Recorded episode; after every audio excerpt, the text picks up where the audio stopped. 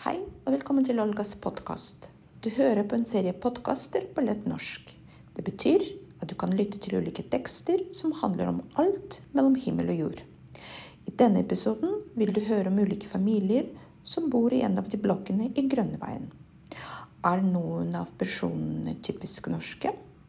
Er noen aktiviteter typisk norske? Og hva pleier du å gjøre på søndager?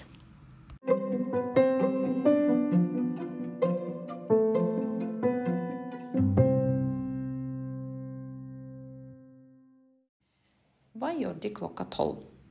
Det er søndag i begynnelsen av mars. Klokka er tolv. Sola skinner, og himmelen er blå. Det er mye snø på bakken. Det er minus fire. I Grønneveien i Nordvik ligger flere blokker. Husene har tre etasjer. De har balkonger og potteplanter i vinduene. Det er ganske stille. Hva gjør menneskene som bor der? Det er ni leiligheter i hver oppgang. På toppen, i nummer 24, bor Lars og Lene Barg. Det er stille inne hos dem. De sover. De er nygifte. De var på fest hos noen gode venner i går kveld. De kom seint hjem. Nå våkner Lene. Hun gjesper og strekker på seg. Så dytter hun til Lars. God morgen, du må våkne. Klokka er alt tolv. God morgen, mumler Lars og klemmer Lene. Å, så godt det skal bli med kaffe, sier han. Ja, det skal det virkelig, sier Lene. Begge blir liggende i senga. Ingen vil stå opp og koke kaffe, men begge har lyst på kaffe. Du, sier Lars, kan ikke du koke kaffe? Du, sier Lene og ler, kan ikke du koke kaffe? Ved siden av leiligheten til Lars og Lene bor familien Larsen. De har to voksne og to barn. Der inne er det også stille, men de sover ikke. De er ikke hjemme. Hele familien er ute på skitur. De har med seg niste. De har tenkt å være ute i flere timer. På den motsatte siden står det Lund på døra. Det er helt stille der inne også. Det bor tre personer der, men det er ikke noen hjemme der heller. Gunnar Lund arbeider i dag. Han er bussjåfør. Kona hans heter Berit. Nå er Berit ute og går tur med den lille datteren deres, som heter Nina. Nina er glad i å leke i snøen. På den første døra i andre etasje står det Strand. Der inne bor Anna Strand. Hun er 73 år. Hun bor alene. Hun er enke. Mannen hennes døde for åtte år siden. Sønnen hennes er gift og bor i Stavanger. Han kan ikke komme og besøke henne så ofte. Gamle fru Strand sitter ved kjøkkenbordet. Hun drikker kaffe og spiser et rundstykke. Det er en fin dag, men hun kan ikke gå ut. Hun har vondt for å gå og det er glatt ute. Hun skal høre på radioen og lese avisen. Kanskje ringer sønnen hennes, og da kan hun prate litt med ham. Så kan hun hvile seg en stund. Det blir en lang og ensom dag for henne. Fra leiligheten ved siden av kommer det sinte stemmer. Familien Haugen krangler. Faren er rasende.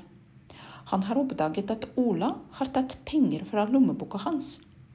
Din fordømte tyv, roper han til Ola. Du skal få juling. Det er forbudt å slå barna sine, sier Ola. Da blir faren enda sintere. Han tar tak i Ola og rister ham. Moren prøver å berolige faren. La oss snakke om det i stedet for å rope og krangle. La Ola forklare seg, sier hun. Her er det ingenting å forklare, roper faren. Er han en tyv. Jeg vet ikke hva jeg skal gjøre med ham. Det er en litt hyggelig søndag hjemme hos dem. Fra neste leilighet kommer det også stemmer. Men det er glade stemmer. Det er en fest hos familien Kanat. Det er en tyrkisk familie. Nå har de flere slektninger på besøk. Det lukter veldig godt fra kjøkkenet fordi de holder på å lage tyrkisk mat. Mennene sitter i stue og snakker sammen. Konene lager mat på kjøkkenet. De har det hyggelig sammen. Snart skal de sitte rundt det store bordet og spise. De kommer til å prate, le og synge.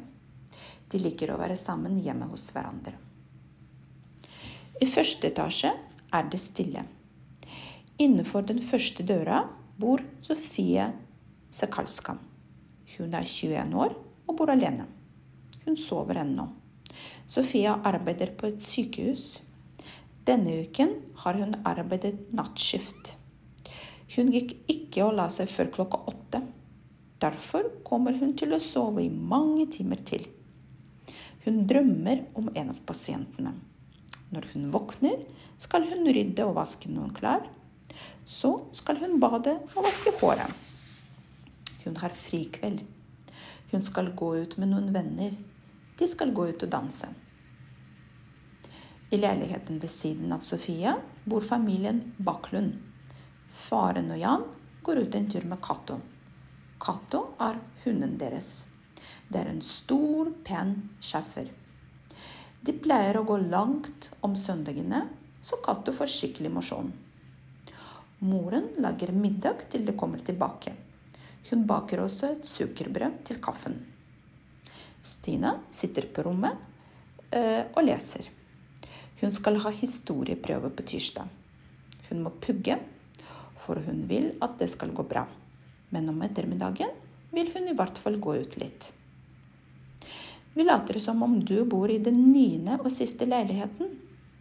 Hva gjorde du søndag klokka tolv? Fortell. Denne teksten er hentet fra Lesebok på lettnorsk del to av Eva Serud.